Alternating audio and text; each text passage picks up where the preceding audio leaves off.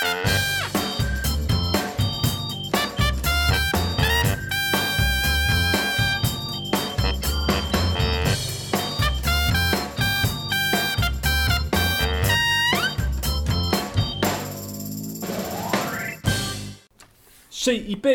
maakte vandaag weer een podcast. Een dag na een persconferentie van Rutte over de coronacrisis zitten we bij dominee Breugem in Boven Hardingsveld. Van harte welkom in de CIP-podcast. Dankjewel. Uh, het is vandaag weer een podcast zonder Patrick, mijn geliefde collega. Want uh, ja, de crisis treft ook CIP, zoals u misschien wel begrijpt. Ik ben de enige die op kantoor zit al uh, wekenlang. Dus Patrick zit lekker in Zeeland. Het is wel gemist voor de luisteraar natuurlijk. Geen vakantie voor hem. Geen vakantie, nee, nee, nee. Het is wel bikkelen voor hem. Maar ja, we moeten toch een alternatief bedenken. Dus daarom gaan we nou het land in. En zijn we bij u aangekomen. in de podcast, zoals u weet, nemen we nieuwsberichten door. Hè? Die relevant zijn voor christelijk Nederland. Mm -hmm. um, misschien even goed om te weten. U bent predikant in Boven Harningsveld. Ja.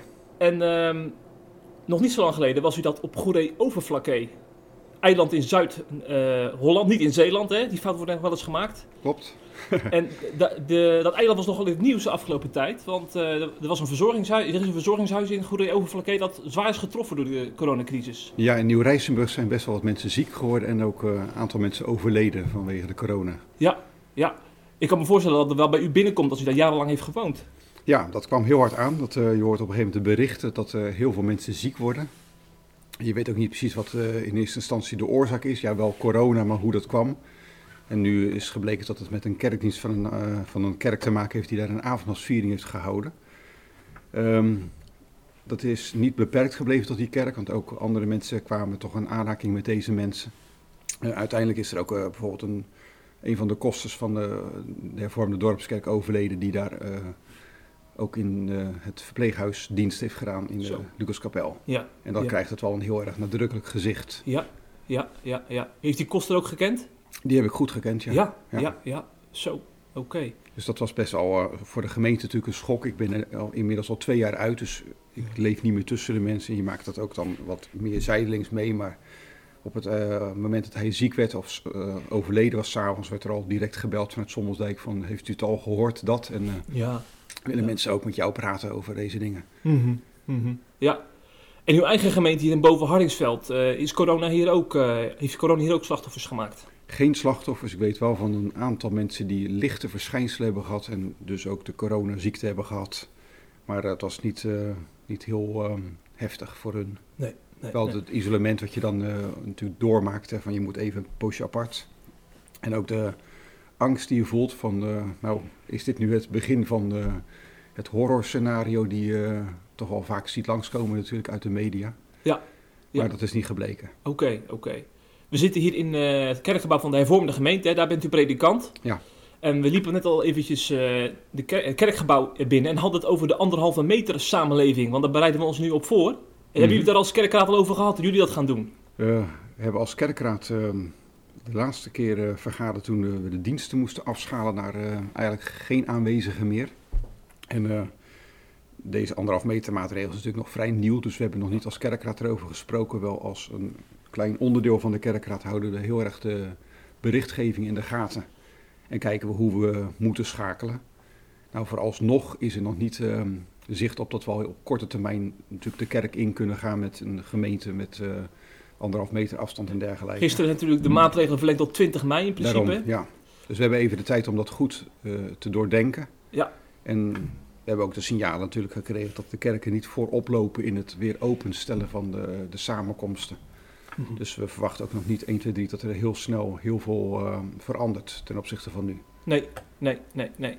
Toch zag ik ook wel even in het kerkgebouw, er zijn weer behoorlijk wat kerkbanken, zowel boven als beneden hier in, uh, in dit gebouw. Dus er is wel heel wat ruimte om wat mensen op anderhalve meter kwijt te kunnen, denk ik zomaar. Ja, we kunnen normaal gesproken denk ik zo'n 600 mensen, 650 mensen in de kerk, misschien wel meer. En als je elk persoon een bank zou laten overslaan, dan kan je nog steeds heel veel mensen ja. in de kerk bergen. En niet de hele gemeente denk ik, maar wel een, een, een derde of zo, dat makkelijk zou moeten kunnen. Ja, ja. In het Reformatorisch Dagblad werd al een beetje vooruitgeblikt hè, op anderhalve meter kerk uh, zijn. En uh, daarin werd ook het idee geopperd om de gemeente te verdelen bijvoorbeeld op alfabet. Hè, dat je bijvoorbeeld uh, A tot en met D eh, toelaat. En dan de volgende dienst wat andere letters. Of op wijken kun je het ook indelen natuurlijk. Hè? Sommige gemeenten zijn zo groot zijn in wijken ingedeeld. Ja. Zijn dat opties wat u betreft? Ja, of alfabetten of inderdaad een wijk per eh ouderling hebben we hier een bezoekwijk. Nou, die zou je kunnen verdelen, zeg maar, van de ene zondag Ja. die en de andere zondag die. We hebben ook, toen we nog met de dertig mensen samenkwamen, ook de mogelijkheid geboden van u kunt zich aanmelden bij de scriba van de kerkraad. En dan komen de mensen die geen risico hebben en toch graag in de kerk zitten, komen dan bovendrijven. Mhm. Dus dat zou ook een mogelijkheid kunnen zijn dat je daar weer eh, in, in eerste instantie op teruggrijpt. Dat we eerst weer de mensen eh, toelaten die graag willen en eh, Oh ja, geen gevaar vormen. dat kan natuurlijk ook nog. Ja, Ja. ja, ja. Want u zegt, er was een tijd dat jullie 30 mensen toelieten. Die tijd is dus voorbij. Het is nu een klein, is- klein clubje. Die is al een poosje voorbij. Het zijn Ja. nu eh, vijf mensen in de kerk. Een geluidsman, de koster, de organist, een diaken, ouderling en de dominee. Ja, ja. En Ja. het zingt eh, fantastisch. Oh, is dat zo? ja. Niet echt dus. ik, ik vroeg aan, de, aan de, mijn catechizanten waar ik wat mee app van wat vinden jullie ervan? Nou zeggen ze, de diensten zelf eh, beleven wij precies hetzelfde. Mm. Maar het zingen is zo zielig. Oh, oh, oh, oh. Maar daar heb je toch wel een gemeente voor nodig, inderdaad. Daar heb je een gemeente voor nodig, ja. Mm, mm, mm, mm. Dus dat, eh, we verlangen echt wel naar eh, de tijd dat we weer met z'n allen kunnen samenkomen. Dat Ja. eh, Ja, ja. is nu eh, afzien. Ja, is het afzien, ja? Want sommigen hebben ook zoiets van, eigenlijk is het ook wel weer mooi dat je zo kan improviseren op deze manier en nieuwe dingen kan ontdekken. Ik vind het ontdekken van nieuwe dingen vind ik prima. En eh, dat er nu een camera hangt is natuurlijk winst. Dat mensen mee kunnen kijken is prachtig. Maar je mist wel elkaar. En Ja. hoe, eh, dat vind ik belangrijker dan nieuwe dingen ontdekken. Er zijn er wel heel veel dingen die gedaan worden, moet ik zeggen. Dat eh, mensen, of in de gemeente heel veel dingen worden opgepakt. Dus dat mensen worden bezocht, dat mensen een bloemetje krijgen. Elke avond voor de kerkradio eh, geen podcast, maar wel een, een half uurtje dat iemand wat muziek draait en wat dingen zegt en bidt en leest. En, dus dat, dat is wel weer heel mooi. Er worden heel veel eh, dingen ja. spontaan, eh, nieuwe Ja. dingen spontaan opgepakt. Dat is wel super, ja. Ja. ja, ja. Zeg, eh, hier niet ver vandaan, hier achter de kerkcel, staat uw huis. Klopt. En het is daar niet stil, kan ik zeggen. U heeft acht kinderen in totaal, hè? Ja, klopt. En die zijn dan allemaal thuis in deze tijd. Die zijn allemaal gezellig thuis. Zo. Maar dat, neem me eens mee naar die eerste week als dan met die scholen, toen die scholen dichtgingen. Dat is, lijkt me toch heel gek hoe dat dan ging in het begin. De eerste week geeft natuurlijk een beetje de beleving van vakantie. Van, eh, Er is even geen druk van schooltijden. Je moet om half negen op school zijn of eh, de, de grotere kinderen nog eerder natuurlijk. Want Ehm, eh, wat is de leeftijds eh, de oudste is 19 en de jongste is 2, Ja. bijna 3. Dus dat, die, die druk van, de, van tijden valt even weg. De regelmaat valt ook een klein beetje weg. En tegelijkertijd, de scholen die zochten heel snel naar hoe kunnen we schakelen hiermee. Hm. Dus er kwam al heel, heel snel ook weer huiswerk aan, opdrachten. En dat is die eerste tijd is het zoeken naar van oh, hoe geef je dat vorm, hoe eh, ga je al het werk doen met, met de kinderen. Dus mevrouw die heeft heel veel eh, uren begeleiding erop zitten. Eh, en nog wel van, om, om, de, om de kinderen een beetje aan het werk te houden. Ja, ja. De ene eh, die doet het heel gemakkelijk en die zit om kwart voor acht al te werken. En de andere die, eh, die moet je erbij halen en eh, erbij houden. Mhm. Dus dat is best wel een verschil. Ja. Eh, online colleges hebben we natuurlijk. Dus dat, eh, er zijn ook wel eens momenten dat het heel stil in huis is. Dan gaan de deuren dicht en dan eh, volgen ze een videocollege of een interactief college waar ja, zelfs een presentatie gehouden wordt via de webcam. Zo, zo. Dus dat gebeurt allemaal in hetzelfde huis hierachter. Bijzonder. Ja. Ja, ja. En eh, nog, je gaat nog niet eh daaraan onderdoor, zal ik maar zeggen. Want ik heb ook wel eens verhalen gehoord van gezinnen die zoiets hebben van... Ja, het is wel heel gezellig met z'n allen, maar liever, liever niet meer dan drie dagen. En nu zitten we al in week vijf. Ja, ik heb de weken niet geteld, maar we gaan er nog niet aan onderdoor. Natuurlijk is het druk, het is ook anders, maar het is ook wel weer gezellig. We houden van elkaar en we vinden het heerlijk als we gewoon allemaal een beetje rondom eh, huis zijn. eh, je eet drie momenten van de dag met elkaar. eh. er zijn Ja. wat momenten dat je ook gewoon lekker dolt en spelletjes doet. Hm, hm. Dus we hebben het eigenlijk ook wel goed. Dat is mooi. Ja, vind ik ook. Super, ja. Zeg, laten we even naar een fragmentje van de persconferentie luisteren van gisteren. Want daarin eh, is premier Rutte te horen en die had het ook over de scholen. En dat is dus belangrijk voor uw gezin. Hm. Ten eerste het onderwijs. Het Outbreak Management Team adviseert dat de basisscholen, het speciaal onderwijs in de basisschoolleeftijd en de kinderopvang na de meivakantie weer open kunnen. Geheel of gedeeltelijk. En dat advies nemen we over. De kinderen in basisonderwijs gaan om te beginnen de helft van de tijd naar school. Bijvoorbeeld de ene dag de ene helft van de leerlingen, de andere dag de andere helft. De ingangsdatum is voor alle scholen en opvangcentra 11 mei.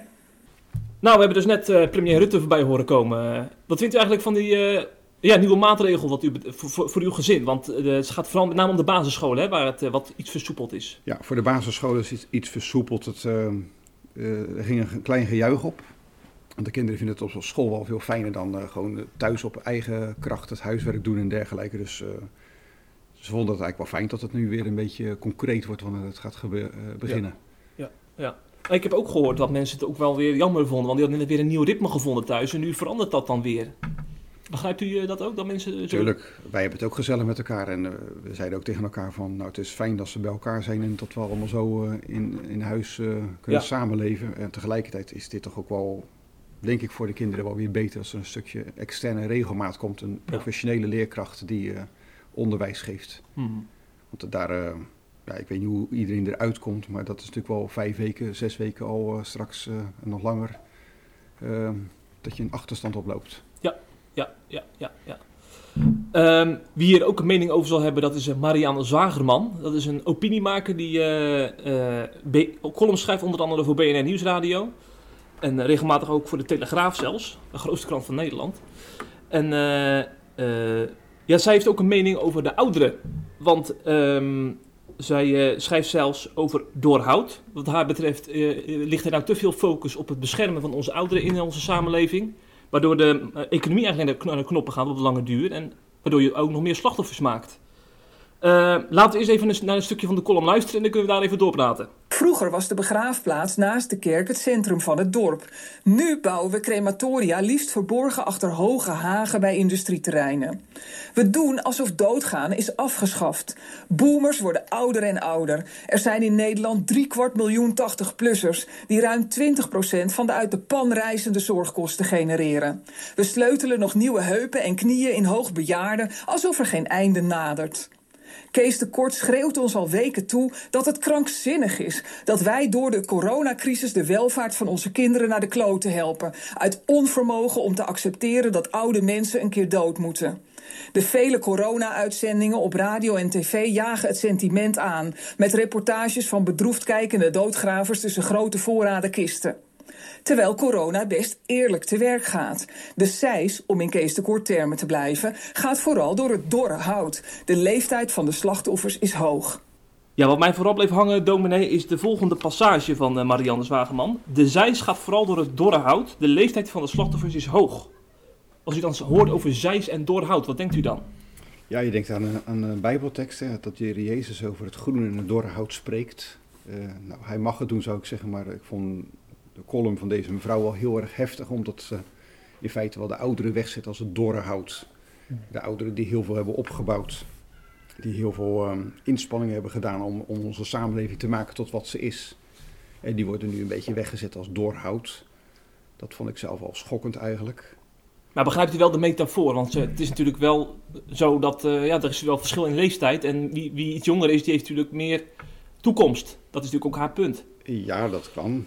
Uh, maar wie, wie, zijn wij om te bepalen wie de toekomst heeft? Uh, dus als ouderen uh, de ziekte krijgen, ja, dan, dan, dan kunnen ze eraan overlijden. Nou, collega De Graaf, die, heeft ook heel veel, die was veel jonger. Dat is een predikant uit Heerde volgens mij? Ja, De Graaf uit Heerde heeft, heeft ook corona gehad. Nou, die heeft een flinke jas uitgedaan, zei hij zelf. Hm. moeilijke tijd gehad. Dus ook jongeren kunnen er best wel heel erg mee te maken krijgen. Maar waar het in die column natuurlijk vooral um, om draait is van ouderen, die, uh, daar gaat heel veel inspanning, heel veel geld naartoe. Uh, de economie ja. wordt daar zelfs voor, uh, voor stopgezet. Dat lijkt me een verkeerde gedachte, want de economie wordt stopgezet om de verspreiding van corona zoveel mogelijk te, te dempen. Zodat alle intensive care plaatsen het aan kunnen. En dat was denk ik sowieso wel iets belangrijks. Mm -hmm. Als het nog veel meer uit de hand was gelopen, dan zou de intensive care het helemaal niet bij kunnen benen. En dat heeft denk ik niet 1, 2, 3 alleen maar met ouderen te maken. Ja. Dat ouderen daar meer onder lijden, is een feit. Maar dat hebben ze ook met griep. En dat hebben ze ook met heel veel andere ziektes die, die door de samenleving kunnen gaan. Die wat minder uh, onze aandacht vragen. Mm -hmm. Ja, ja, ja. Maar ik, ik denk dan, als ik toch even in mij in Marianne Zwageman eh, verplaats. Dat mag. Eh, zij is natuurlijk iemand met een hart, hart voor ondernemen in Nederland. En eh, ik kan me toch ook voorstellen dat wanneer zeg maar, deze maatregelen nog heel lang gaan aanhouden, dat best wel wat bedrijven over de kop gaan. Met name bedrijven die misschien eh, wat, wat kleiner zijn en niet zoveel mogelijkheden hebben. En dat, dat, dat levert natuurlijk ook op de lange termijn ook misschien nog wel consequenties op voor de zorg. Want op een gegeven moment moet je als kabinet ook weer gaan bezuinigen. Misschien gaan ze weer op het onderwijs en de zorg bezuinigen. Dus dan moet de zorg alsnog weer die klappen opvangen. Bedoel, die, die economie, die, die mogen natuurlijk niet uit het oog verliezen. Ehm, misschien is dan ook wel iets anders eh, belangrijk wat we tegen elkaar moeten zeggen als land. Eh, heel veel draait om de economie. Eigenlijk is dat de grote afgod van deze tijd. Als de economie maar goed draait en als we maar gezond blijven. Die twee dingen die zijn heel belangrijk voor onze samenleving. En daar wordt nu heel veel voor gedaan. Ehm, wat mij betreft moet ook de vraag gesteld worden: is er niet tijd voor een andere manier van denken in ons land, in Europa? Dus u pleit ook voor het nieuwe normaal eigenlijk. Ik zou willen pleiten voor een ander normaal, misschien niet heel oud, niet nieuw, maar oud. Terug naar de, naar de bijbelse basis van hoe leef je als samenleving met elkaar. Hm. Meerdere generaties die elkaar in het oog hebben, eh, waarbij de gemeenschap belangrijker is dan het individu. Ehm, daar zijn we natuurlijk best wel heel ver bij vandaan. Ja, ja. Ja, want al die verzorgingshuizen die nu in het nieuws zijn, die zijn natuurlijk niet voor niks ontstaan. Ik ken bijvoorbeeld mensen uit het Midden-Oosten, die, eh, die hebben ook zoiets van, nou, eh hier zijn gewoon mensen die twee of drie keer per jaar hun ouders bezoeken in het verzorgingstehuis en verder gaan blij zijn dat, het, dat ervoor gezorgd wordt. Ik was hier met eh, twee Egyptische predikanten. Nou, die komen ook uit het Midden-Oosten. Die, eh, die liet ik de gemeente zien. En ehm, ze zeiden tegen mij toen ze het bejaarden of het verpleeghuis zagen: van, hebben die mensen dan geen familie? Hebben ze geen vrienden? Nou, wij kunnen niet de, de professionele zorg opvangen van eh, zoals de verzorgenden en de verpleegkundigen in het ziekenhuis of in het eh, verpleeghuis doen. Dat je zo eh, ontzettend intensief voor iemand kan zorgen. Dus dat kunnen we niet nadoen. Maar tegelijkertijd is het natuurlijk ook wel, is dit wel een signaal van, hé, hey, wat doen wij met onze ouderen die zoveel voor ons hebben betekend?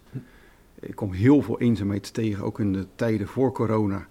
Dat mensen gewoon hun kinderen amper zien, terwijl ze allemaal gezond en wel zijn. En eh, alleen met kerst eventjes eh, een soort bonus komen ophalen Ja. van het jaar. Ja, ja. Dus dat, dat vind ik een stuk verdriet. Hm. En dat bedoel ik ook met eh, onze samenleving zou best eh, een andere wending kunnen gebruiken. Ja, daar kan gek genoeg deze crisis wel bij helpen. Want nu zie ik opeens weer dat mensen boodschappen voor elkaar doen en ook echt veel meer contact met elkaar hebben. Ja. Er zijn mensen die met elkaar videobellen eh om de twee, drie weken, terwijl ze daar, elkaar daarvoor nog maar eh, één keer in het half jaar spraken bijvoorbeeld. Bijvoorbeeld. Of buurten die veel meer met elkaar doen. Ja. Eh, jongeren die voor ouderen spontaan gaan zingen bij een verpleeghuis of, Ja. of wat dan ook. Dat, dat Oh, dat is goed dat u dat even zegt, want dan kunnen we wel even laten horen. Er was onlangs weer een vlog verschenen op YouTube daarover. Van eh, volgens mij een eh, verpleeghuis eh, in Rijmerswaal in, in Zeeland. Dus misschien even leuk als u dat toch noemt om daarnaar te luisteren.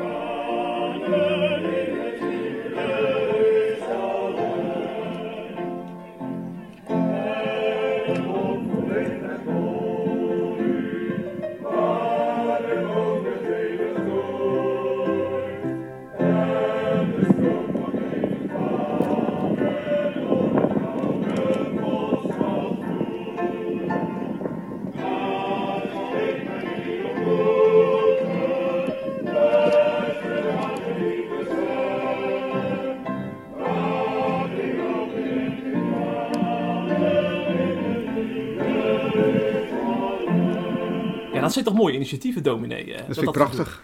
Ja. En eh, kinderen die eh, hier bijvoorbeeld op de basisschool de opdracht krijgen om elke week een tekening te maken voor iemand in het verpleeghuis. Er worden dus ook door jongeren uitzendingen verzorgd. Muziek wordt er gemaakt. Er wordt heel veel gedaan wat nu ineens veel, veel breder dan alleen maar voor de gemeente is, zeg maar.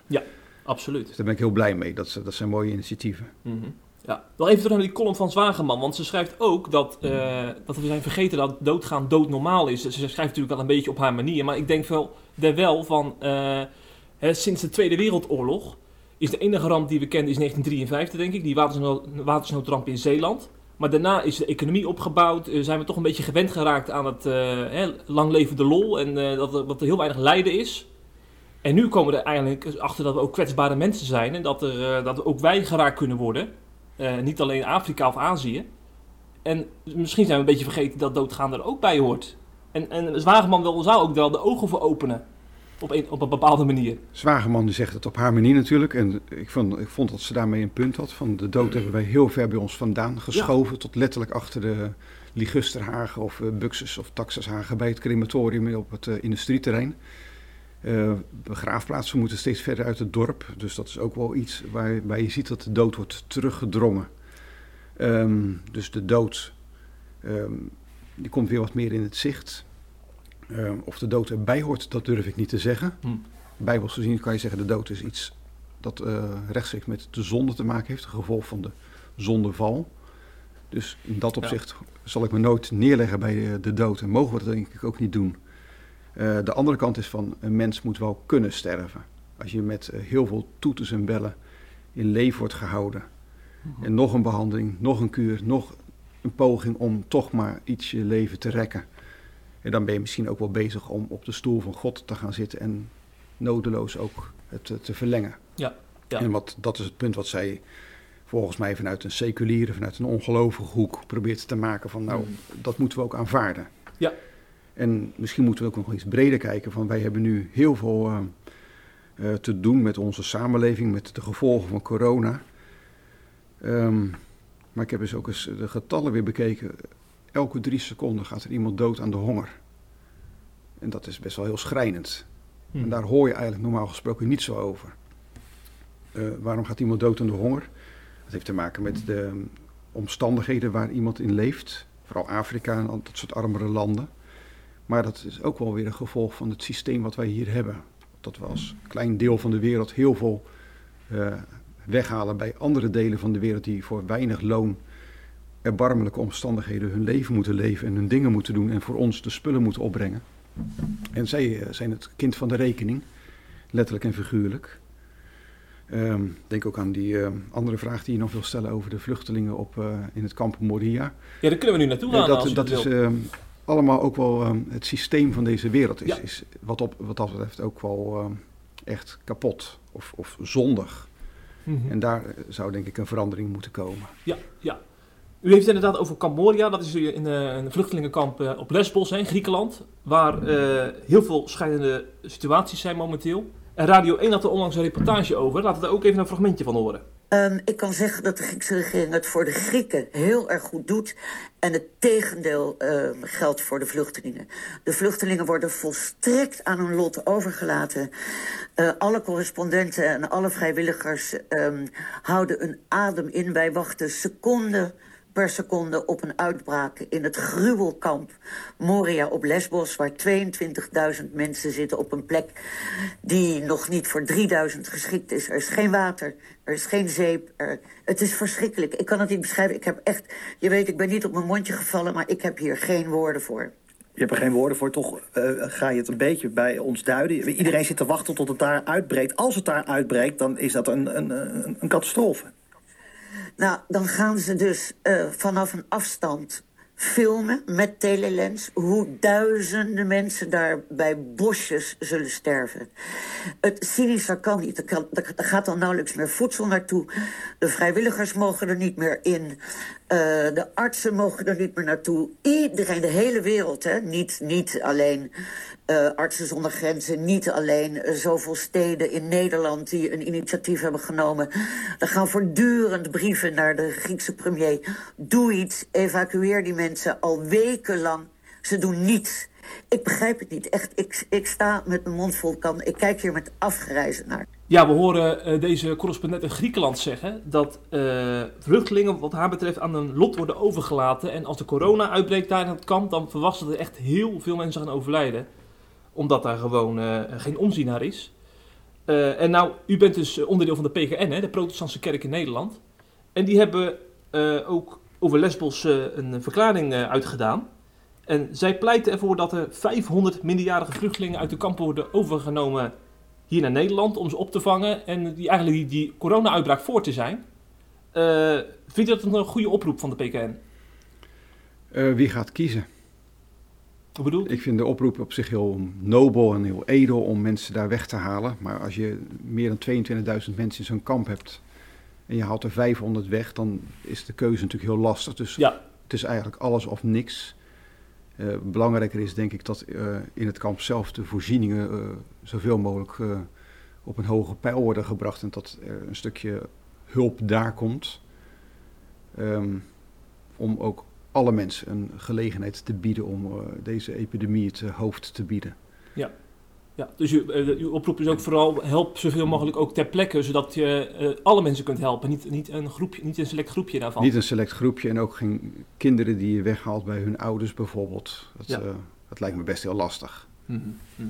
Ja. Hoe mooi en hoe edel ik de oproep ook vind hoor, dat we moeten er aandacht voor vragen. En Mhm. wat ik net ook zei, van, ik denk dat we voor heel veel van dat soort dingen juist ook geroepen zijn om als kerk een geluid te geven. Ja. En dan mag het ook wel wat meer zijn dan alleen deze eh, erbarmelijke toestand. Meer, meer dan deze toestand bedoelt, eh, los, van, los van Camboria bedoelt u? Ja, Ja, ja. Eh, toch vind ik het wel heel erg opvallend dat, eh, ehm, dat er dus een kamp is in Europa. We hebben het over het, toch een van de rijkste werelddelen van, van, van de aardbol, zeg maar. Dat er een kamp is met zo'n 40.000 vluchtelingen. En eh, ik heb daar pas een reportage van Nieuwsuur van gezien. Het is echt ongelooflijk. Mensen kunnen daar amper naar de wc.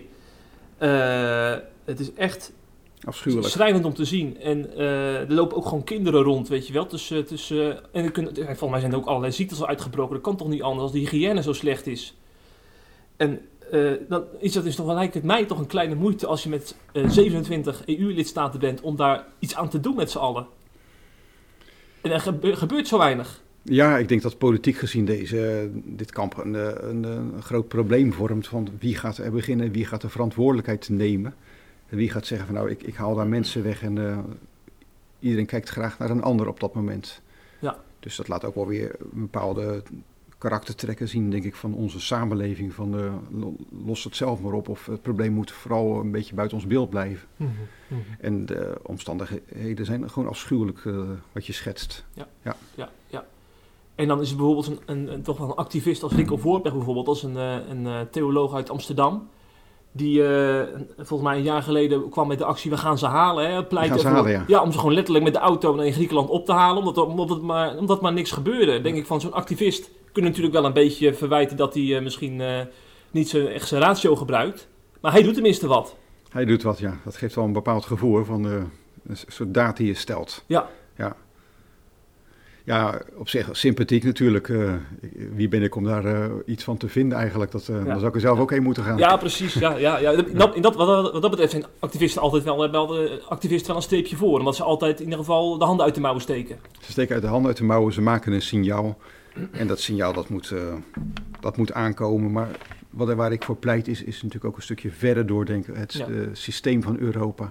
Maar ook het systeem waarom komen vluchtelingen, vluchtelingenbewegingen op gang. En waarom zoeken mensen het allemaal daar in Lesbos. En eh, zo moet je het probleem als het ware, denk ik, uit elkaar rafelen. En ergens meer bij het begin eh, beginnen. Precies. En zo'n oproep van de PKN, eh, kan dat daarbij helpen, denkt u? Het is een noodzakelijk signaal. Of het gaat helpen, dat durf ik te betwijfelen. Ja. Maar met het noodzakelijk signaal bedoelt u dus ook wel de roeping van de kerk om, eh, om, dit soort, om hier aandacht aan te geven. Ik vind het de profetische roeping van de kerk om, om te spreken waar eh, anderen zwijgen. Dus dat, eh, dat geldt voor deze misstanden. Dat geldt ook voor heel veel andere misstanden die, eh, die we kunnen signaleren. Er zijn er te veel om op te noemen helaas, hè? Ja, of concreet worden is misschien ook wel weer een beetje gevaarlijk. Ja, ja want inderdaad, dan kom je dus... Als je concreet wordt, dan heb je dus, zoals nu de PKN doet, 500 minderjarige vluchtelingen. Dan kies je inderdaad wat u net zei. Hm. En dat kan inderdaad gevaarlijk zijn. Dan kun je een gezin uit elkaar halen en dan kun je ook... Dan moet je ook nog eh, eh, keuzes maken tussen welke kinderen we wel of niet eh, opvangen. Als Dat je dat kan zou je, doen. Zo kan je het uitwerken. Ik bedoel ook van als je, ehm, je ehm, je stem verheft, als je de profeet gaat, gaat spelen, dat bedoel ik niet verkeerd, maar dan, dan krijg je ook de, het loon van een profeet. Dus mensen gaan erop reageren, gaan er wat van vinden. Hm. Als de kerk spreekt, als het gaat over klimaat, dan heb je applaus. Als het gaat over deze dingen, heb je misschien ook applaus. Oh ja. Als de kerk zich gaat uitspreken over relaties, over eh, identiteit, Hm. dan wordt het gevoelig. Ja. En dan zie je dat een brede mainstream kerk eh, als de PKN eh, niet meer spreekt. Nee, nee. Wat ik uh, net bedoelde, wat impliciet is ook van, we zijn wat eenzijdig in, onze, Ah, dat bedoelt u. in, ons, in ons spreken. Ja, ja, ja, ja. Ja, dat is wel goed dat u dat zegt. Ik, volgens mij uh, was het van die vorig jaar, toen was er een klimaatmars in Amsterdam. Nou, de protestantse kerk in Nederland uh, was, daar, uh, was daar natuurlijk bij. En het viel mij op dat een, een, week daarvoor was er ook een of andere mars, maar dan uh, georganiseerd om, om jodenhaat onder de aandacht te brengen. Omdat heel veel joden in, in ons continent worden vervolgd. En, en, en, het viel mij op dat de protestantse kerk zich daar helemaal niet over uitsprak toen op dat moment, terwijl het overal in het nieuws was. En denk ik van, op die manier kun je wel een beetje een politieke kleur ontdekken, gek genoeg. Ja, misschien wel. En dat lijkt me niet de bedoeling van de kerk. Dat lijkt me niet de bedoeling van de kerk. Dat kan je ook zeggen van de Mars van het Leven. Daar lopen wel heel veel christenen mee, maar uh, uh, ik weet niet of, of, of zeg maar, de kerk officieel ook vertegenwoordigd is in deze, in deze Mars. Ja. Ja, volgens mij niet, nee. Ik denk nee. het niet. Nee, Stil om Leven organiseert en zijn, verder zijn het gewoon allemaal mensen uit het land die erop afkomen. Ja. ja. En u zou het toejuichen als de PKN zich de, de naam eraan verbindt? Ik zou het in ieder geval toejuichen als de, als de PKN uh, ook op dat soort terreinen uh, zou laten horen van nou hier staan we voor of hier staat de Bijbel voor. Ja. ja. Dus, uh, dus niet alleen maar, um, zeg maar de, de dingen die nu heel erg goed liggen, die heel erg belangrijk zijn ook. Mhm. Maar ook de dingen die wat minder um, voor de hand liggen, die misschien zelfs tegendraad zijn. Ja, ja, ja. Bedoelt u daarmee ook te zeggen dat het misschien ook wel een beetje veilig is om bijvoorbeeld op te komen voor uh, vluchtelingen en, en, en, de, en het klimaat en dat het, uh, dat het misschien uh, moeilijker is om dat te doen bij issues die wat gevoeliger liggen in maatschappelijk debat? Ik zeg niet dat de kerk het doet om, om, om het veilige terrein te blijven. Dat zou ik een verkeerde suggestie vinden, maar het is wel moeilijker om juist op andere terreinen waar heel verschillend over gedacht wordt, maar waar de Bijbel toch een bepaald duidelijk geluid over geeft, Ja, om ja. daar ook Ja. ehm, toch je stem te laten horen. Hm, hm, ja. En ehm, dat vind ik wel eh, de taak, de roeping van de kerk. Ik vind deze tijd is niet alleen maar ehm, de tijd dat, die vraagt om bemoediging bijvoorbeeld, wat eh, een heel trending woord is. Bemoedigingsmomenten elke avond of elke week. Eh, ik denk dat deze tijd ook om bekering vraagt. Mhm. Ja, ja, ja, ja. En soms moet je dan even tegen de stroom inzwemmen, dominee. Ja, dat moet je denk ik bij. sowieso doen als christen. Dat, je kan niet met de stroom meezwemmen. Nee, nee, nee, nee. Eh, tegen de stroom inzwemmen doet u nu een paar jaar in Bovenhardingsveld, want u bent eh, nog niet zo lang geleden verhuisd, hè? Twee jaar geleden Twee jaar geleden Ja. Ja, ja. Hoe bevalt het hier? Eh, overal kan je wonen, overal kan je, heb je prima mensen en overal heb je het woord van God wat, wat je mag uitdelen. Dus als dominee heb je in dat opzicht geen, geen klagen, vind ik. Het is natuurlijk best wel heel wat om je plek te verlaten waar je heel lang eh, gewerkt hebt, waar je vertrouwd raakte met mensen. Op Goeree Overflakkee, Op Goeree Overflakkee, we hebben een mooie tijd gehad, een goede tijd gehad. En hier, eh, hier eh, mogen we hetzelfde ervaren. Ja. Met andere mensen, met andere problemen. Maar ook weer met andere eh, eh, vragen die op ons bordje liggen. Andere uitdagingen om het eh, met een wat eh, minder kerkelijk woord eh, te zeggen. Ja, ja. En alle acht kinderen zijn meegegaan uiteindelijk naar eh, deze nieuwe plek. Ja, ze hadden ook weinig keuze Ik zou natuurlijk. zeggen, op die leeftijd heb je geen keus. Nou ja, als 18-jarige zou je nog Ja. wel kunnen zeggen, ik blijf eh, op Vlakke wonen. Maar ze willen allemaal nog wel graag bij ons onder het dak verblijven. Ja, ja. Nou, heel wat nieuwe vriendjes inmiddels weer over de vloer. Ehm, dat, dat ontwikkelt zich ook weer. De ouderen die hebben nog best wel wat vrienden en contacten op Vlakke of op, ehm, op, eh, in de Hoekse Waard bij de eerste gemeente. Oh ja, oh ja. En dat speelt ook nog steeds. Dat is heel mooi hoe, om te zien hoe dat weer eh, opbloeit soms ook. Ehm, de jongere kinderen ontwikkelen hier weer vriendschappen. En tegelijkertijd ben je als dominee gezien altijd een beetje... Je, je wordt als voorbijganger gezien. Je komt in een bestaande situatie met bestaande vriendschappen, met bestaande kringetjes. En zelfs op twee, eh, of op het niveau van een eh, vierjarige, zeg maar, zie je al dat die kringetjes wat gevormd zijn. Ook door ouders bijvoorbeeld die met elkaar vriendschap hebben. Dus je komt er niet altijd heel gemakkelijk tussen. Nee, nee, nee, nee, nee. Nee, dat is Daarom waar. is ons gezin ja, als, als eilandje op zichzelf heel belangrijk voor ons. Dat we het Hmm. met elkaar ook eh, vooral goed hebben. Nou ja, eigenlijk als je ouders erbij zijn die met z'n tienen, dat is een beetje een soort huiskring eigenlijk. Zoals wij op woensdagavond met onze huiskring samenkomen Ja. de kerk. Ja. Hebben jullie elke dag huiskring? Elke dag huiskring, ja. Met alle gezelligheid van dien, met alle ehm, rumoer van dien. Dat, eh, Ja. We zijn ook blij dat we een, eh, zelfs eh, een vrijstaand huis hebben. Dus dat we hebben ook Oh, ja. de ruimte om, om met, met z'n tienen erin te kunnen leven. Ja. Ja. En er wordt gelachen, er wordt gepraat, er wordt gehuild, er wordt gesproken over, over alles en nog wat, maar ook over Mm. de preken. Ja, ja, ja. En, als we moeten zingen, gewoon vanuit thuis met de kerk mee, dan, dan eh, gaat dat vrij gemakkelijk met z'n negenen. Want ik sta natuurlijk hier dan op de preekstoel. Ja, ja. En dat, eh, dat heeft ook wel weer zijn voordelen, zo'n groot gezin. Ja, ja, ja, Ja. zeker. En dan zitten ze met z'n negen, dan zitten ze dan op de bank naar de livestream te kijken, om te Ja. kijken wat u dan eh, aan het preken bent. Ja, Dat is ook apart, hè? Want we hadden drie, drie maanden geleden niet verwacht dat we er zo bij zouden zitten op zondagochtend. nee, dat had niemand verwacht. En tegelijkertijd is het ook wel weer vertrouwd. We waren het vanuit Vlakke wel gewend dat we thuis konden meekijken. Dus als, mijn- als mevrouw oppast op de kleine kinderen, dan Oh, ja. deed ze dat al jaren. En De camera was hier nog niet aangeschaft, maar die, die kwam nu wel wat sneller dan eh, oorspronkelijk gepland. Ja.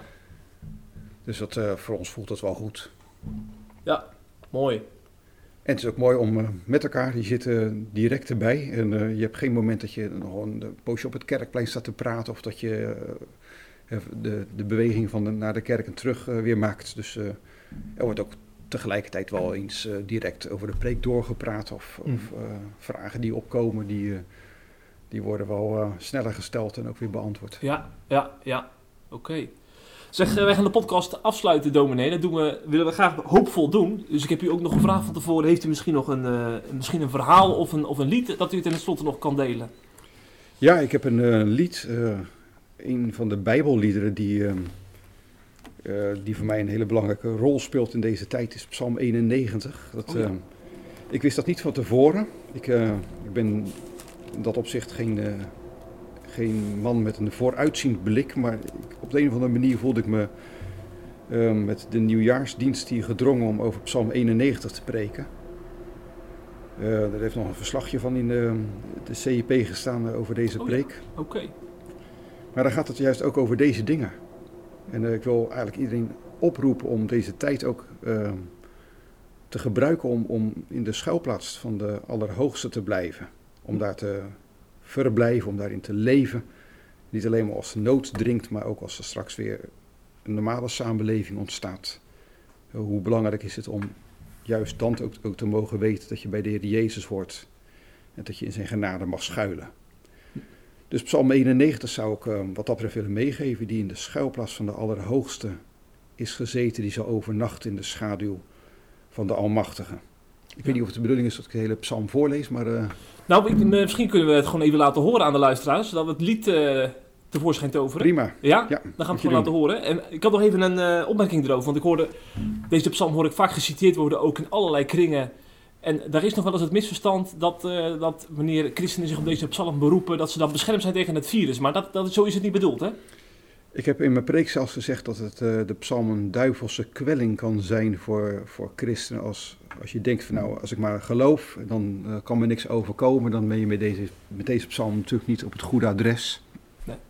Een bepaalde manier van theologie is dat geweest dat mensen zeggen, eh, als je ehm, maar de goede woorden leest of de goede woorden vertrouwt, hè, dan kan je niks meemaken. Een beetje de, ehm, het amulet in de, de Latijns-Amerikaanse taxi bijvoorbeeld. Dan wordt de psalm een soort mascotte tegen gevaar. Eh, God belooft ons nergens dat wij geen gevaar of problemen zullen meemaken.